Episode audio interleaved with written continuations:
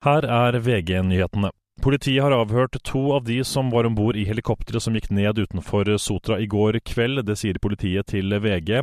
Flere avhør er planlagt i morgen. Seks personer var om bord i helikopteret. En kvinne omkom, mens fem menn ble skadet i ulykken.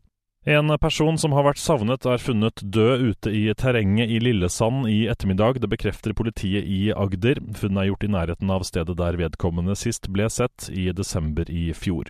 FNs sikkerhetsråd skal holde et møte i kveld om hendelsen i Gaza by, der over 100 palestinere skal ha blitt drept mens de forsøkte å få tak i mathjelp. Israel erkjenner at deres styrker åpnet ild mot det som ble oppfattet som en truende folkemengde, men bestrider palestinernes hendelsesforløp og dødstall. Donald Trump har anket beslutningen fra en dommer i delstaten Illinois om å stryke den republikanske ekspresidentens navn fra nominasjonsvalget, ifølge CBS News. Ifølge kjennelsen må Trump utestenges både fra republikanernes nominasjonsvalg i Illinois 19.3 og presidentvalget 5.11. I studio Andreas Hagen Haakonsen, nyhetene får du alltid på VG.